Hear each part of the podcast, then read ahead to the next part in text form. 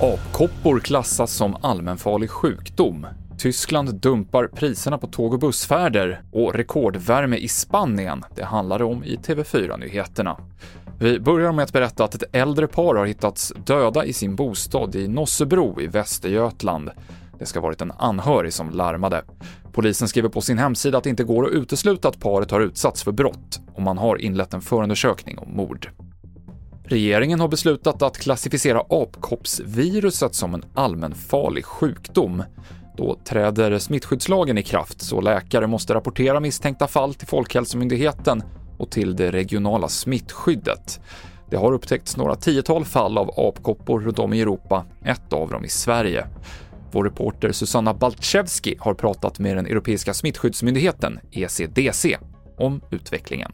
Ja, man tar den på stort allvar och säger att vi kan förvänta oss flera fall i Sverige.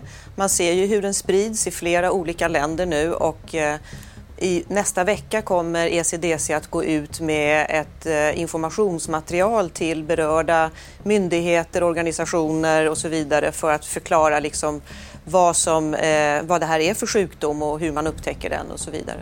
Mer om apkopporna på tv4.se.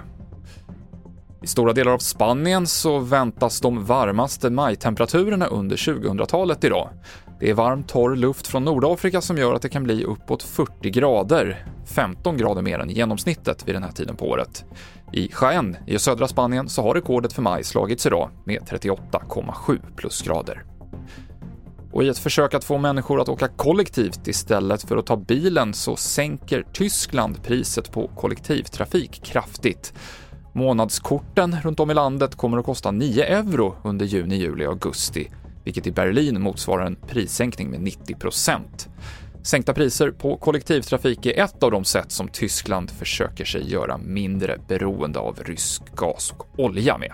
Du hittar senaste nytt i vår app TV4 Nyheterna och jag heter Mikael Klintevall.